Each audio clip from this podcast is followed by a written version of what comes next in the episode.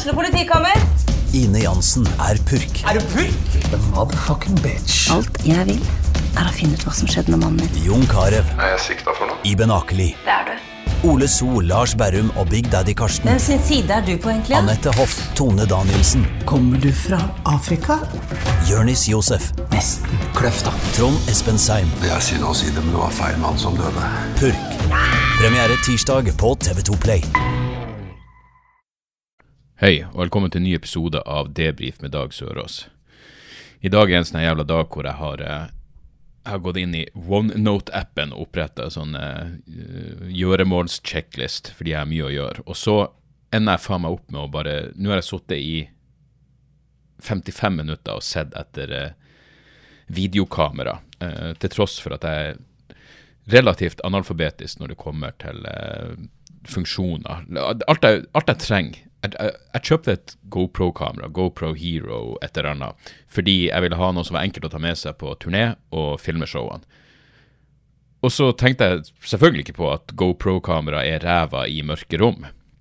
Uh, så det er jo uh, på grensa til ubrukelig for det. I tillegg så Det er to funksjoner jeg så etter. 4K eh, funker i et mørkt rom, altså når jeg skal filme et show, og så må jeg kunne styre kamera, altså starte kamera backstage, altså sette opp før show, og så starte den med mobilen.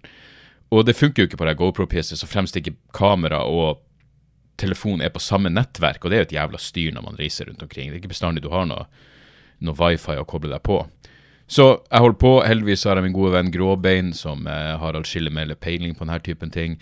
Og så la jeg også ut et spørsmål på Facebook, og da får jeg en masse, en masse tips. Poenget mitt er bare snakk om å bruke tida på ting som ikke burde prioriteres akkurat nå. Jeg har shit to do, og så, eh, og det opp med at jeg sitter og kuker med noe, noe helt annet.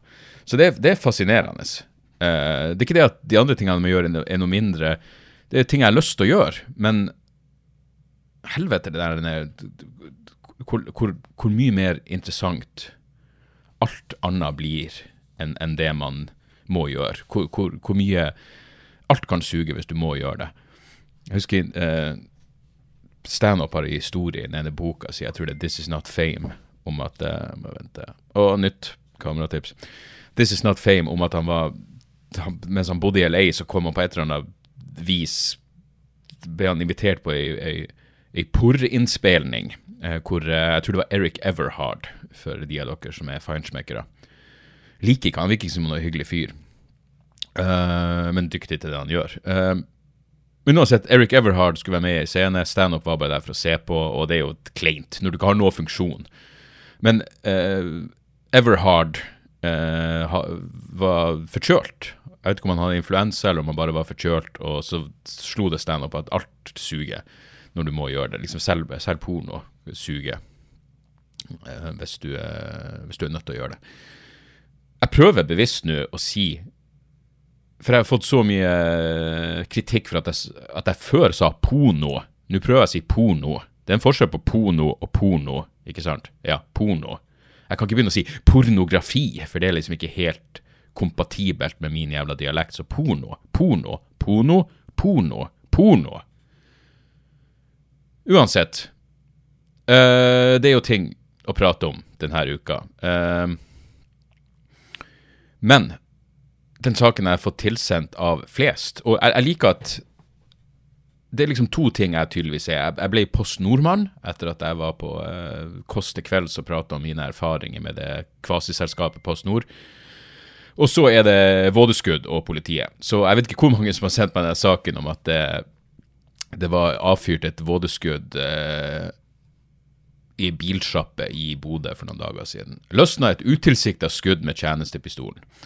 En polititjenesteperson avfyrte et utilsikta skudd med pistol hos en bilforhandler i Bodø onsdag formiddag, opplyser politiet i Nordland. Spesialenheten etterforsker saken, som betyr at den er mest sannsynlig allerede henlagt. Ingen kritikkverdige forhold. Eh, politi... Helvete, jeg må bare skru av den lyden. Polititjenesteperson som disponerer tjenestepistol, er ansatt ved Bodø politistasjon. Eh, ja, de ansatte ved bilforhandleren blir fulgt opp av arbeidsgiver. Og så en av de viktige tingene var tjenesteperson på oppdrag. Det var ingen forutgående hendelse som tilsier bruk av skytevåpen hos politiet. Det er både uheldig og alvorlig. Det er klart, man flirer jo av det her helt til det går liv. Eh, helt til politiet skyter noen andre i et vådeskudd. Eh, og så hiver de inn det, det, relevante her. Politiet er nå i flere runder med midlertidig bevæpning. Da går de i operativ tjeneste med tjenestevåpen på seg. Vent, da. Politiet er nå i, i en av flere runder med midlertidig bevæpning. Er de det, altså? Det var jeg ærlig talt ikke klar over, at politiet i Bodø var eh, permanent midlertidig bevæpna. Men uansett, det det ikke åpnes opp for her Nå får vi jo se hva eh, spesialenheter finner ut før de henlegger. Kanskje denne tjenestepolitimannen bare var ute etter en bedre deal? Jeg mener, biler er dyrt, og jeg vil tro, hvis du involverer Ikke bare viser at du er bevæpna, men i tillegg viser at du er villig til å fyre av et skudd, så bør du få eh, 3 avslag på bilen, vil jeg tro. Gudene vet. I en annen politirelatert eh, sak, hvor politiet heller ikke kommer særlig godt ut, så er jo Cliff Arne i retten. Slåss for å bruke politiuniform. Frank Arne Olsen vil ikke gi opp politiuniformen sin. Det her er altså, eh, som advokaten til Cliff Arne sier, en tøvsak. Og greia er at eh, Cliff Arne fra selveste Norvik har i 15 år I 15 år har komiker Olsen spilt karakteren Cliff Arne, politimann fra Narvik. Nå vil politiet inndra uniformen fra Olsen etter at han la ut en film på Facebook. Facebook-sida Cliff Arne fra, selv, fra selve Narvik, der karakteren angivelig var ute på oppdrag med politihunden Psycho, som er av rasen Lasa Apso. Jeg vet da faen hvorfor det er relevant. At Olsen var ute i det offentlige rom og filma iført politiuniform, mener de kan villede publikum til å tro at det er en ekte politimann. Vel, det sier mye om politiet. Hvis Cliff Arne hvis, hvis, hvis, publikum kan se en Cliff Arne-video og tro at det her er en ekte politimann Altså, det, vi snakker ikke Breivik her. Så, så, burde vel purken gå i seg sjøl.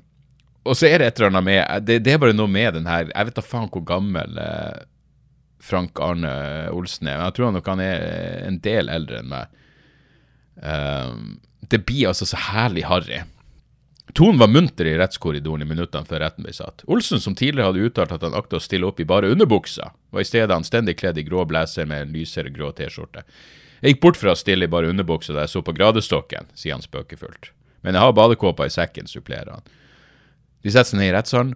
Hansen skjenker, altså advokaten skjenker vann i Olsens kåp. Jeg håper det brennevir, sier Olsen og ler. Det er altså så herlig harry. Herlig harry å score for Cliff Arne, og måtte han få fortsette å bruke nei helvetes uh, den helvetes uniformen. Det er ikke som jeg er helt fjern for innsigelsene til purken her, men, men kom igjen. Hvorfor nå? Hvorfor etter 15 år skal de plutselig begynne å sette foten ned, når det åpenbart ikke har skjedd noen Cliff Arne-relaterte utilsikta hendelser? Uh, og Cliff Arne er, meg bekjent, ikke bevæpna heller. Ikke midlertidig bevæpna. Hvis han plutselig fer rundt og, og, og, tar med seg skarpladd våpen når han, skal, når han, skal, sjekke ut et potensielt nytt bilkjøp, så, så blir det noe annet. Ellers så uh, Ja, jeg skal jo i, morgen, uh, for de av dere som er på Patrion, patrion.com slash dagsoras, dere får podkasten reklamefritt og en dag før alle andre.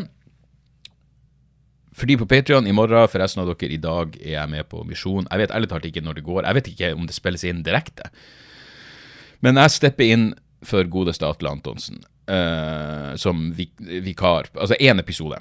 Uh, det er mulig det blir uh, en til episode, men jeg vet ikke. Så, så, Golden ringte meg og spurte om jeg ville være med, og så sa jeg ja, selvsagt. Og så Og så uh, fikk jeg en melding fra noen i VG dagen etterpå, det her var vel på tirsdag, hvor det sto bare 'stemmer at du skal være', og jeg bare svarte ja, det stemmer. og så var det, kan du sitere deg på det, absolutt. Men så får jeg da en melding fra Umiddelbart etterpå uh, så ringer telefonen, fremmed nummer, og jeg bare sa til fruen det her er garantert Dagbladet. Så jeg tar ikke telefonen, og så får jeg en melding, og da er det altså noen som blir å hvor, hvor, flaut må det ikke være å være journalist og skrive Hei, Dag. Tar kontakt fra Dagbladet skråstrek Se og Hør. Ser du skal være vikar for Atle i Misjon og har noen spørsmål i den forbindelse. Ser jeg, Hvordan er det å få jobben under disse omstendighetene? Gleder du deg til å ta fatt på rollen? Hvordan fuckings rolle? Det er en jævla episode, det er ingen rolle. Og hva tenker du om anklagene som er retta mot Atle Antonsen? Som om jeg skulle fuckings uttale meg i Dagbladet om det her faenskapet. Uh, det er ingen ny rolle, det er en episode, og saken er jo uh, bare fuckings trist. Jeg har hele tida, og sagt det flere ganger, at Atle er det hyggeligste mennesket jeg har truffet i humorbransjen. Eh, og uh, jeg spurte faktisk Golden en gang eh, for mange, mange år siden. Jeg husker jeg, jeg, jeg fikk, eh, da jeg fikk eh, nykommerpris på Komiprisen 2007, så vant Atle en eller annen pris. Og så var vi på et eller annet frokostmorgenprogram i lag, eller en eller annen greie i lag. Jeg tror det var første gangen jeg prata med Atle, og så syntes jeg bare han var så jævla hyggelig. Og på denne tida så tok jo Golden meg med som supportkomiker. Så jeg bare spurte han sånn, er Atle så jævla hyggelig, eller fuckings er det skuespill? Han bare, det er bare sånn han er. Jævlig hyggelig fyr. Uh, jeg har uh, drukket med Atle. Uh, drukket meg ganske så snydens med han, og det var utelukkende hyggelig. Men det er klart, hele denne saken er jo bare fuckings Det er bare trist. Jeg hørte en, faktisk en annen norsk humorpodkast hvor de prata om hvor gøy denne saken var. Og jeg, klart, jeg klarer bare ikke å se nå. det er ingenting gøy i det. Det er, bare, det er bare trist for alle involverte. Og så skal det jo sies, når Hege Storhaug og Kjetil Rollnes eh, kritiserer det for eh, rasistiske uttalelser, så, så, ser det ikke bra ut. Det gjør ikke det. Og eh, Ja, nei. Hva man skal si for noe. Det, det, det blir jo en, en, straffesak. Jeg må si um, Den eneste delen jeg ikke skjønner, og, og de her kommentarfeltene, er jo helt fuckings hinsides. Jeg mener kan man egentlig forholde seg? Jeg, jeg så en, en, en, Det har vært skrevet masse om det her, men noen i Dagsavisen som skrev eh, Jeg er så lei av å lese om Atle Antonsen, at man skal tenke på han i denne saken. Sånn, hvem, hvem er det som ber deg tenke på Atle Antonsen i denne saken? Alle offisielle, alt, alt som hadde vært skrevet i media, har jo utelukkende, forståelig nok, tatt eh, eh, Sumaya si side i denne saken. Eh, uforbeholdent. Men hvis du driver og leser kommentarfeltene, så er det selvfølgelig en, en annen sak. Og der står det jo hinsides horrible ting. Selvfølgelig. Som det alltid gjør. Den verste taken var vel han ene, hva faen han heter, Sharif? Er det Tommy Sharif? Må du google. Det er lenge siden han har vært i Tommy Sharif, som vel gikk ut og sa noe sånt som at Hva gjorde hun på bar? Det er jo ikke haram, eller hva faen det heter. Jesus Christ. Jeg mener, snakk, snakk om at du klarer å ha en take som er verre enn de der klinisk hjernedøde eh, sofarasistene. Det er ganske, ganske imponerende. Så, eh, så, nei, jeg har ikke noe hot take på det her. Det er bare fuckings uh, Det er bare trist. Men det var det jeg skulle si. Uh, trist og uakseptabelt, selvfølgelig. Og var det et forsøk på humor, så er det vel så igjen. Det var, det var en greie i, i, Klassekampen i dag hvor Se nei, hva var det hun sa for noe? Det er ei som heter Amy Black Njai. Jeg er usikker på hvordan NDIAY er, så beklager hvis jeg uttaler det feil. Niai, ville jeg sagt. Uansett, Amy Black sier selv om Atle Antonsen hadde fremført spøken om Sumaya uh, Jirda Ali på en scene, ville den fortsatt ikke vært morsom.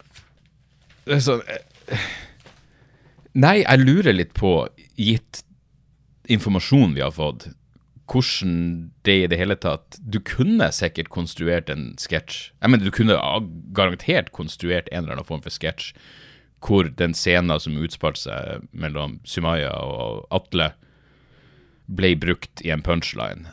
Men per nå, per måten det er fremstilt på, så er det jo eh, veldig, veldig vanskelig å, eh, å se for seg. Så, så, sånn er det. Og så blir man jo prega. Det er jo ingen tvil om at hadde det vært en komiker som jeg Hadde det vært Ørjan Burøe som hadde som hadde gjort det her, det her, så, så ville det vært atskillig lettere å bare uforbeholdent eh, sable han ned. Eh, man blir jo prega av at man liker noen.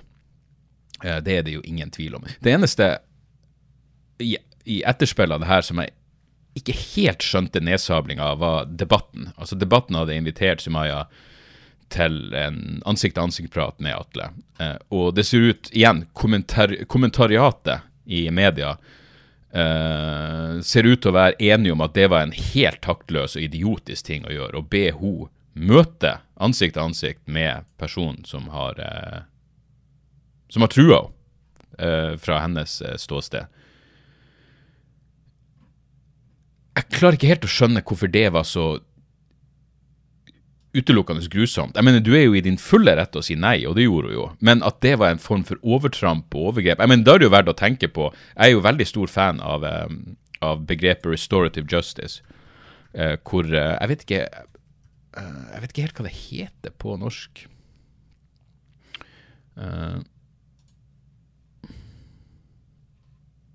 Ja, men på den engelske beskrivelsen i hvert fall Restorative justice refers to an approach to justice that seeks to repair harm by providing an opportunity for those harmed and those who take responsibility for the harm to communicate about and address their needs in the aftermath of a crime. Uh, og det her brukes jo også i grusomme uh, drapssaker og overgrep. Det klassiske eksempelet er jo etter Nokas-ranet, hvor hun ene møtte var det Schumann hun ene bankansatte møtte han ansikt til ansikt. Uh, men selvfølgelig så er jo det Da fordrer det jo at offeret er villig til å møte uh, gjerningspersonen. Uh, og det var Sumaya åpenbart ikke i dette tilfellet, og det er helt fair enough, selvfølgelig. Men poenget mitt er bare det er ikke et overgrep å spørre. Det er ikke helt taktløst å spørre. Det er faktisk, vil jeg si, ganske respektfullt å behandle henne som et voksent menneske som åpenbart har opplevd mer fuckings hets enn de fleste i Norge, vil jeg tro.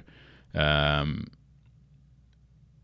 og, og, dermed vil jeg tro jeg har, har nok til å motta en invitasjon. Uh, nå aner jo ikke jeg heller om Atle hadde vært interessert i det. Det hadde i hvert fall blitt noe jeg hadde sett på. Det er det ingen, ingen jævla tvil om. Uh, og så er det vanskelig å vite hva, hva, man skal gjøre. Du, du, må jo bare legge deg flat. Uh, det, det, er liksom ikke så mye Ja, nei, det, det er en fuckings trist sak. Uh, det er vel flere ting som skal komme frem. Og så er det jo en politisak. Og så er, jo, er det jo mange som, uh, som støtter anmeldelsen. Og ja, det kan man jo Det er jo en ærlig måte å gjøre det på. og ja, hvis du vil gjøre det til en politisak, så er det jo åpenbart en politisak. Og det er nå en politisak. Så kan du jo diskutere om det er den rette måten å, å gå frem på. Men igjen, hvis du vil eh, ikke bare stille den ansvarlige til ansvar, men i tillegg understreke et poeng med at denne typen eh, ting skjer, eh, uten at det involverer profilerte personer hele tida, så, så er det selvfølgelig. Så det er mye frem tilbake. Det er vanskelig. Jeg kan ikke komme med noen bastante jævla påstander her, annet enn at det hele er fuckings trist. Sånn som det fremstår, er det åpenbart uakseptabelt hvis det virkelig var et humorforsøk, så skulle jeg likt å vite hva tanken bak var. Jeg mener, til og med det jævla ja, Det var noen som sendte meg det Hulsker på Vårt lille land, hvor han prater om eh, høye Nato-knæløft. og det, Av og til er det bedre å bare holde kjeften. Av og til er det bedre å være sånn Hei, jeg fucka så totalt jævla opp. Jeg aner ikke hvor jeg kom ifra. Eh, jeg må gå noen runder med meg sjøl, som det så fint heter. Uh, så, får vi, uh, så, får vi, se. Men uansett, jeg er nå med i Misjon. Og til, til, de ytterst få som har kritisert meg for at jeg skal være med, uh, som om, som om Jeg mener, her får du det der Altså, jeg har, ja, jeg har så jævla ambivalent syn til hele det der. Altså, du skjønner jo for det første er hele denne praten om kansellering. Å, skal de kansellere Atle? Hvis du bare søker navnet hans på Twitter, så er det så jævla mye diskusjon om det. Og kansellering er jo et idiotisk begrep å bruke i akkurat det her tilfellet, i hvert fall så langt. Um, det er klart alle arbeidsgivere, alle som er involvert, men når Discovery går ut og sier at de ikke skal fjerne gamle episoder av Kongen befaler, da er det sånn Nei, hvorfor skulle dere det? Jeg mener, Det er da det begynner å gå litt fuckings over stokk og stein. Så det var faktisk et, et interessant intervju med faen heter den podkasten? Uh, det var i hvert fall et intervju med han som eier styrer Comedy Cellar i New York, Norm et eller annet, som prata om hvorfor han valgte å, å ta Louis CK inn i varmen igjen, i forstand av å la Louis CK stå på Comedy Cellar etter, eh, etter alt det metoo-helvete. Uh, som han sto bak.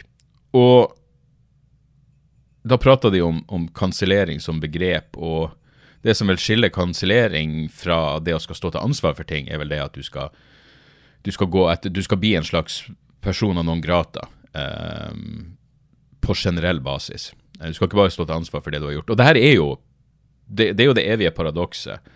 At de folkene som vil engasjere seg veldig sterkt i en sånn her eh, rasismerelatert sak, også vil være de første til å prate om eh, rettferdig behandling av, av, eh, av kriminelle som har sona gjort opp for straffa si. At det er viktig med rehabilitering og komme tilbake i samfunnet igjen.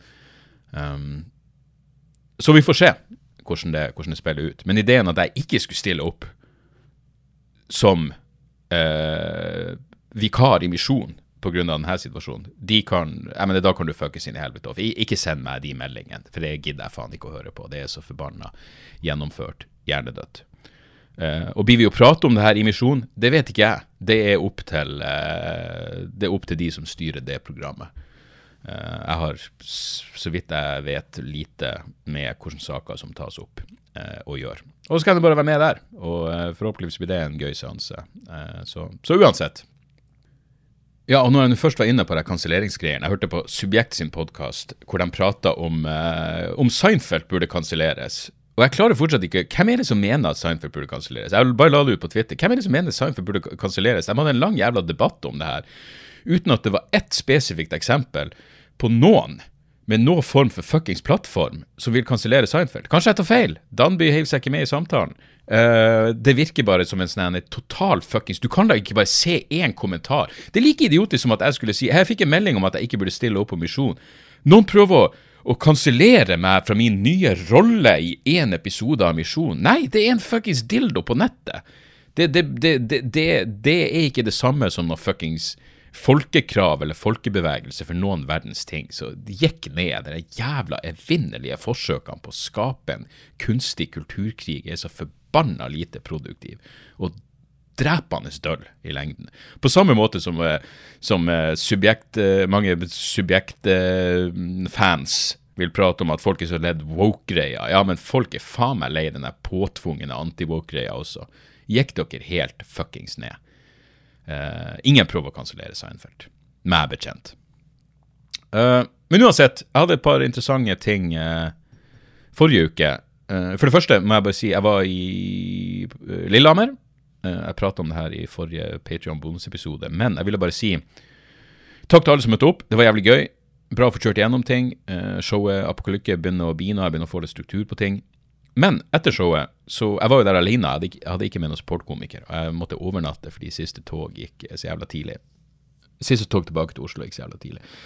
Men etter showet så var det noen som kom ut fra den gastropuben som er i nærheten av Nikkers, og sa hei, kom inn og ta en øl med oss.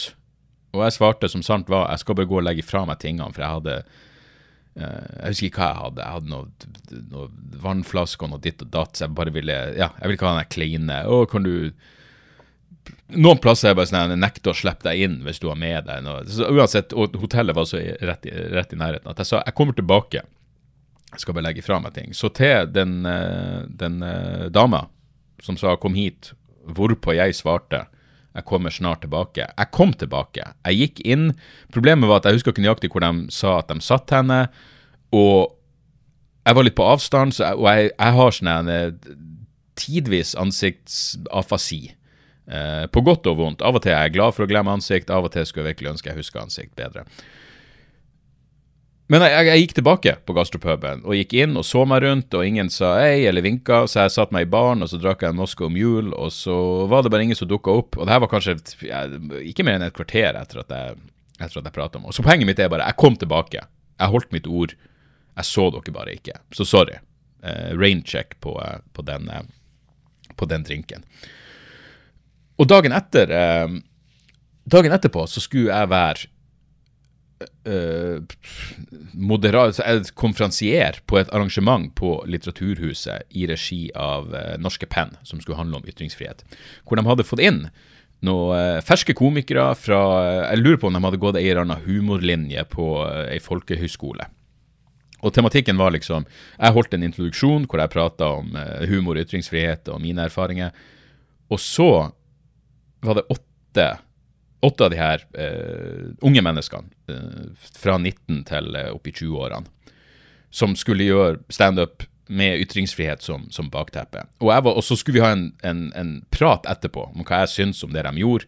jeg fikk heldigvis prata bort ideen om at jeg skulle liksom ha en, en, tilbakemelding på hver enkelt etter at de hadde vært på scenen. Jeg sa la oss bare samle det opp, fordi jeg syns det er kleint å kritisere folk jeg ikke kjenner. Jeg er veldig tilbakeholden med å komme med tips og kritikk generelt. Fordi jeg gidder, jeg gidder generelt ikke å legge meg opp i eh, hva andre holder på med. Så fremst ikke noen jeg liker, og jeg tror faktisk at jeg kan ha noe, noe konstruktivt å komme med. Men jeg var så positivt overraska. Eh, for det første, hun første som gikk på, var eh, tidlig i 20-årene. Og det første hun gjorde, var å begynne å prate om dverger. Og da satt jeg der og tenkte det kan du ikke si, det heter jo ikke dverger. Jeg har en vits om det her i det nye showet. Men at jeg eh, på den harde måten har funnet ut at man sier ikke dverg lenger. Eh, og så var det Det var en fyr som gikk opp og bare Han var en slags eh, det var, det var, en slags Are Kalve-inspirert greie. Ikke, ikke, nødvendigvis Are Kalve-inspirert. Det slo meg at det her ville vært en sånn litt mer edgy versjon av Are Kalve, hvor det var sånn eh, rasekomponent. Eh, hvor han egentlig leste opp et mattestykke. Og, eh, og, folk gikk pro Det var en 19-åring der som faen meg prata om min, sånn tematikk som jeg prater om, Libya-bombinga, Jeffrey Dahmer Jeg bare, hva i helvete? Og alle gjorde en bra jobb alle hadde særpreg. Det var liksom sånn, Jeg, jeg prøvde å ta notater underveis. For jeg, jeg, som sagt, jeg kjenner jo ikke de folkene, så jeg har jo bare navnene og rekkefølgen. Og så tok jeg bare noen notater underveis. Men det var faktisk sånn at når de var ferdige, så var jeg sånn Hei, det var du var han, og du var han, og, eh, og var, du var hun med ukulele, og Nei, de var, de var rett og slett jævlig flinke. Og uh, det var et par ting som var sånn Satan, nå er, er, det sånn anspent stemning her, og det, det liker jeg jo. Så jeg var bare så letta. Jeg måtte si dere har ikke bare motbevist mine fordommer mot unge mennesker og humor. Eh, dere har motbevist mine fordommer mot ukulele uh, som et, en humorprop. Så det var Og så hadde vi en relativt kort prat etterpå. Um, og så hadde jo, siden det er Norske Penn som er en ytringsfrihetsorganisasjon, og den eneste organisasjonen jeg liksom kan være sånn stolt og åpen medlem av, Um, hadde jo sånn tom stol hvor det er sånn her er folk som sitter inne, sperra inne i hvor enn det var i Tyrkia og en eller annen plass pga. Ja, at de har uh, At de har sagt det de mener i land som ikke har uh, ytringsfrihet. Som er uh, fint og, og, og, selvfølgelig kan være både rørende og tankevekkende. Det ble litt sånn småkleint i akkurat denne settinga. Men det var faktisk en som gjorde et poeng ut av det. Så det var Nei, det var, det var en bra kveld, rett og slett. Uh, og så hadde jeg en jævlig rar opplevelse i pausen, fordi jeg gikk opp i pausen for å kjøpe meg en ny øl. Og Hvis dere har vært på Litteraturhuset, så er det jo, det er jo en restaurant der. Så jeg står i køa med barn, og jeg står sånn at jeg står rett ved siden av et bord. Og på det bordet Altså, det er et ganske eh, bredt bord, men der sitter ei dame med, med asjett foran seg og vinglass, og så er det, hun venter åpenbart på noen, eller noen er på dass. Hun sitter og spiser med noen. Men det er liksom noe ting imellom menyen, så det er akkurat som det er et skille mellom hennes del av bordet og den ytterste delen av bordet. Og jeg står jo i kø, så jeg husker ikke om jeg tok opp mobilen eller et eller annet, men jeg satte tomme ølglasset mitt ytterst på bordet hennes. Og, eh, og, da sa hun sånn, du, unnskyld meg. Og jeg er selvfølgelig klar som alltid til å si eh, ja, ja, ja, vi kan, eh, vi kan ta et bilde, og jepp, jeg er ganske morsom. Nei da, hun lurte på om jeg kunne Om jeg kunne flytte glasset ditt. Og hun sa det Jeg er usikker på om hun sa det passiv-aggressivt, eller om hun syntes det var litt flaut å si det, men jeg svarte bare ja, ja, selvsagt. Uten noe form for sarkasme. Eh, tror jeg. jeg. Jeg blir så paff av det hele at jeg rakk ikke å begynne å himle med øynene. Eh, så jeg var bare veldig hyggelig, Eh, som seg hør og bør. jeg mener.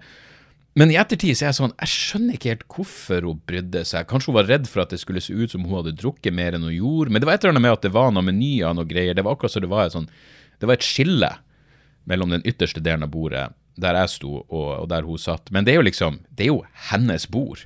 Uh, kanskje hun har noen sånn OCD-greier hvor hun bare ikke takler tanken på, på tomme glass. Og igjen, uh, det var egentlig ikke kritikkverdig, og jeg liker jo egentlig at folk sier fra. Det ble bare litt sånn småkleint på et eller annet vis. Og så, ja. Og så, ja, så rakk jeg nå i hvert fall å uh, vi, vi, kom oss fint unna det. og det var den eneste måten å, å reagere på, var jo oppriktig forståelse for det hun mente, det hun sa. Så avslutter jeg med å si at uh, Shabana skulle få en uh, ytringsfrihetspris, um, som betyr at hun vel fikk det den, denne uka. Og fortjent. Og jeg vet ikke om jeg har nevnt det her, men uh, jeg har jo Shabana nevner jeg jo i negativ forstand i en, en vits um, i vrangforestilling. Eller den vitsen om Kongsberg. Kanskje jeg prater om det, jeg er ikke helt sikker, men det er i hvert fall relevant igjen. Uh, det ligger på YouTube, hvor jeg prater om den pil og bue-fyren i Kongsberg. Og det var jo rett etter at jeg hadde lagt ut den. Der har jeg jo en kritikk av Shabana Rehman fordi hun driver og delte antivaksinepropaganda av en nynazist på Facebook. Og ja, og kort tid etter det her så kom det jo frem, etter at jeg hadde lagt den ut, da, så kom det jo frem at Shabana var dødssyk. Og jeg kvia meg litt for å Så jeg, jeg bare sendte henne en melding. Jeg tenker bestandig på Og beklager hvis jeg nevnte det før, men jeg tenker bestandig på den Christopher Hitchens som sa da han eh, fikk eh, kreftdiagnosen, at det var, masse, det var, flere folk som kontakta han som han kanskje ikke hadde hatt et så veldig godt forhold til. Uh, og så sa han noe sånt som at hvis du, hvis du, er i tvil om du skal kontakte noen som er i en sånn situasjon, bare gjør det. Fordi det, ja, det, det er verdt det. Um, så jeg tenkte jeg sender Shabana en melding, og jeg skrev ja, jeg skrev liksom at uh, jeg håpa det gikk bra. Jeg håpa det ordna seg, og at, liksom at vi har vel hatt litt sånn uoverensstemmelser i forhold til humor og ditt og datt. Men, og jeg tror til og med jeg nevnte det Hitchens-sitatet. og hun svarte at ja, hun, hun syntes Hitchens hadde rett i at man burde ta kontakt. Uh, så, så, ja, det, det, går an å Det var ikke noe å skvære opp med, egentlig. Jeg ville bare ikke at skulle Jeg ville ikke at hun skulle liksom fuckings komme over det kleppet, eller noen skulle sende det til henne også, uten at jeg har Fordi jeg har jo truffet henne flere ganger, og vi har bestandig hatt en god tone. Uh, vi er bare uenige om enkelte ting. Uh, så, så, sånn, uansett. Fortjent pris til Shabana for det, så skål for henne, og jeg håper selvfølgelig at hun, blir, at hun blir frisk igjen. Og når vi først er inne på, på, kreft, i går så var det en uh, Så var det en uh, merkelig Altså, jeg, jeg, skjønte bare ikke helt Altså, det var, en, det var en, et innlegg, en kronikk, i Aftenposten om screening for uh, tarmkreft. Og det her kan jeg huske. Fordi da jeg fikk uh, ulcerøs kolittdiagnosen i 2006, så blir du veldig oppslukt i akkurat uh, ja, det at du har fått en alvorlig diagnose. Og Da husker jeg jeg leste om eller hørte om uh, hvor lite empiri det er for å si at som preventiv, altså screening for, for tarmkreft, det å bare få en koloskopi når det er ingenting som tyder på at du er syk, at det har ingenting for seg. Det er dyrt, og det er liten sjanse for at det avdekker noe, osv., osv., osv. Sånn her eh, kronikken handler om. Jeg skummer den bare, men den handler bare om eh, at screeningsprogrammet ikke er verdt det. Men linja jeg hang meg opp i, som var veldig rar, var at de skrev essensielt uh, Det å skulle få et kamera opp i ræva kan oppleves truende. Bare hva i helvete er det du snakker om? Oppleves truende?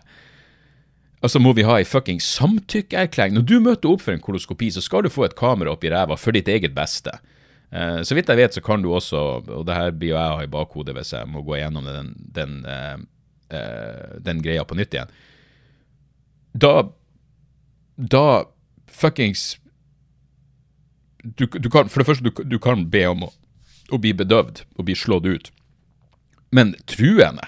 Ja, det er klart. Det, det, er kjipt å få et kamera opp i ræva. Det skal gudene vite. Jeg ble ikke bedøvd i det hele tatt. Jeg hadde ikke engang fått denne tømmingsmedisin. Så jeg, jeg, var jo full av mannskitt hvor han bare var sånn, du må komme tilbake. Og jeg bare nei, nå presser du på. Jeg gidder faen ikke at du skal trekke ut de meterne av rassholdet mitt, og skal jeg komme tilbake igjen. Fuckings press på. Um, men oppleves truende. For en absurd jævla ting å si. Det å bli operert, det å bli skåret i, er det også. Det, det, kan absolutt oppleves truende det når noen kommer med en fuckings skalpell. Men det er jo for ditt eget jævla beste, så det var bare en jævlig, jævlig rar, eh, rar greie å, eh, å, å, poengtere. Og så må jeg også bare nevne, det er jo faen meg eh, Satan, jeg kom over en sånn uh, At jeg aldri skal lære. På Twitter. Eh, oppi alt det jævla Elon Musk eh, Gud, jeg er så lei Elon Musk. Det er også det at jeg ikke fuckings liker han. Jeg liker ikke trynet på fuckings Elon Musk. Jeg liker ikke måten han snakker på, og det er ikke noe fuckings eh, På ingen måte noe fobi mot autister. Jeg bare liker ikke Elon Musk, og han er, fuck, han er så jævla Han er åpenbart god til enkelte ting. Han er en god hypeman. Uh, åpenbart en god forretningsmann. Jeg vet ikke hva, hva han har. Han er ikke noen fuckings ingeniør. Han er god å si 'gjør det og det'. Uh, og så er han jo også åpenbart et rasshold av en arbeidsgiver. Uh, men det kan du selvfølgelig argumentere for at det er det som må til for å bli suksessrik og alt det der. Jeg tviler på det, men kanskje. Hva faen vet jeg. Men han er altså så Det at du er et La oss, la oss strekke oss så langt som å kalle han et geni på enkelte felt. Betyr faen ikke at du vet noen verdens ting. Du kan være akkurat like tomskolt-tomsing som alle andre når det kommer til andre ting. Som det at han delte den ene fuckings åpenbart åpenbart fra sånne fake news-sidegreier om gubben til Nancy Pelosi som ble angrepet med hammer. Hvor han å, det kan, være- det kan være det, det, det er nok mer til denne historien vi vet, og så måtte han gå og slette den. Bare det at du deler en sånn ting, sjekker du ikke nå? Har du ingen Du er fuckings Elon Musk, verdens fuckings rikeste mann, og så har du null kildekritikk? Er du så dum at du går på ei sånn side? Hva med å dobbeltsjekke litt før du deler når din helvetes tomsing av en hestkuk?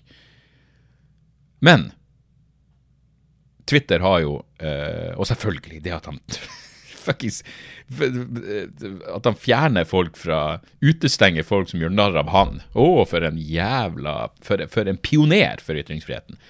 Nei, fuckings gigantisk ego på en åpenbar drittsekk. Uh, men fuckings Twitter tillater jo altså, jeg, jeg kom opp en sånn video fra en sånn konto jeg tydeligvis følger, som er Ukraina-krig-relatert, og så er det det at du må trykke på grafisk. Men det sto på Jeg husker ikke om det, var, om det sto på russisk eller ukrainsk, eller, eller om jeg bare ikke leste beskrivelsen ordentlig. Men det viste seg å være en fuckings Så, så jeg bare trykker på videoen, og så er åpenbart noen som filmer noen som avhøres. Noen som har det tungt. Og så Noen som har det tungt, det var nå en måte. En fuckings krigsfange. Og han snakker eh, på da, vil jeg tro, ukrainsk. Og jeg skjønner selvfølgelig ikke hva han sier, og så klipper det tydeligvis til et senere tidspunkt, og fyren ser verre og verre ut. Jeg lurer på om det er tre forskjellige klipp. Og så plutselig så sitter han og prater. Han sitter liksom opp mot en sånn fjellvegg. Og plutselig kommer det bare en svær fucking slegge og knuser hodet hans, og slår han i hjel. Og det er sånn, satan! Jeg, jeg, det var ingenting Det var ikke godt nok forklart at det her var en fuckings henrettelsesvideo, men når folk liksom skal sette at noe er grafisk og mulig forstyrrende, så er det jo sånn Ja, ja, absolutt, det bare, det, bare det å se denne personen eh, bli avhørt, eller hva faen enn det er for noe, eller den presser han til en falsk innrømmelse, gudene vet. Det er tydelig at han ikke helt spilte på lag siden de fuckings knuste hodet hans på slutten. Jeg skulle ønske det var litt bedre Ja, grafisk er liksom Det kan være så mye. Forstyrrende kan være så mye, men det der var fuckings forstyrrende. Så ser er det ingen vei tilbake. Jeg, jeg er for jeg er for skjør for det der faenskapet. Det gjør noe med deg i lengden å se sånne ting. Og i dette tilfellet søkte jeg det egentlig ikke opp, men Ja, nei, det er selvfølgelig Ja, det er fucked up. Samtidig så blir det en sånn understreking, fordi det er en fare med, med all sånn. Ja, nu, når den raketten slo ned i Polen, og det plutselig var sånn Helvete, plutselig, plutselig, plutselig så er vi inne i fuckings tredje verdenskrig her. Men etter en viss stund så blir liksom alle Dekning av selv en så nær og horribel konflikt blir abstrakt på et eller annet vis. Og så ser du en sånn der jævla video, og så får du en sånn Satan. Det er det her som faktisk foregår. Det er det her det ja, fuckings handler om. Så, eh, så det var i bunn og grunn eh, en slags Ikke at du trenger noen jævla påminnelse. Jeg vet ikke, hva er det som skjer når man blir eldre, når man bare ikke kan Hadde jeg vært tenåring og sett det der, så ville det ikke vært det samme. Men det er jo fordi man har faen ikke ferdig utvikla sjelsevner. Så eh, faen vet! Uansett, skulle jeg avslutte med noe så jævla fuckings eh, eh, Jo, det var én ting jeg hadde lyst til å sjekke opp, fordi jeg liker uh, Alstadheim i Aftenposten. Uh, og det her tok jeg jo bare Det her tok jeg jo bare eh, Skal vi se av på hukommelse. Så jeg må bare sjekke opp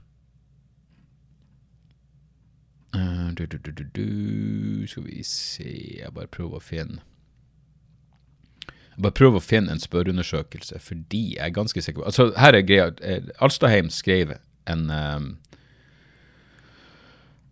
Alstaheim skrev en kronikk om SV og uh, deres forhold til Nato og USA og alt det der. Og så skrev han sarkastisk om at uh, man må vokse opp. Det enkelte som vokser opp og, og tilpasser seg verdensrealitetene. Men da skrev han og det, det er mulig jeg bare legger at Jeg, jeg syns det var noe nedlatende mellom linjene, men da skrev han bl.a. at SV i 2005 programfesta at USA var den største trusselen mot verdensfreden. Og eh, vi skal selvfølgelig lese det nå i 2022 og tenke å, helvete, for noen idioter. Poenget mitt er, på det tidspunktet så syns et flertall av europeere og mennesker i muslimske land at USA var den største trusselen mot verdensfreden. Uh, jeg lurer faen meg på om uh, ja, det var flere undersøkelser som ble gjort av det her, men, men altså jeg, jeg, tror på verdensbasis kan du faen meg gå så langt som å si at det her var verdensopinion. Det var en gemen og folkelig inntrykk basert på det faktumet at krigen mot terror og invasjonen av Irak herja på sitt fuckings verste. Og jeg tror, til og med du kunne under, jeg tror til og med du kunne argumentere for at det stemmer. Så ja, verden har forandra seg siden 2005, men det betyr ikke at det man sa i 2005 var feil, selv om du kan argumentere for noe annet i 2022. Det var hele fuckings poenget mitt. Alstadheim. Så et par tips, fordi jeg har som sagt shite to do. Uh, la meg si jeg kommer uh, i dag, hvis du hører det her på fredag, så er jeg support for Hans Magne Skar i Mysen, på Slakteren, tror jeg det heter, pub. Fin, fin plass, uh, drevet av fortreffelige folk. Og på lørdag så er Hans Magne support for meg i Elverum, sentral scene. Og der er det bare rundt ti billetter igjen eller noe sånt per nå. Så får jeg være gir hvis dere har lyst til å komme på det showet. Halv åtte på lørdag, sentral scene Elverum. Testshow med nydelige Hans Magne som support. Hans Magne skal jo reise til India, og uh, jeg vet ikke, han skal jeg lurer på om han sa det, det, det, det, her kan jo være noe jeg har drømt, men jeg lurer på om han skulle være med i noe sånn uh, sekt.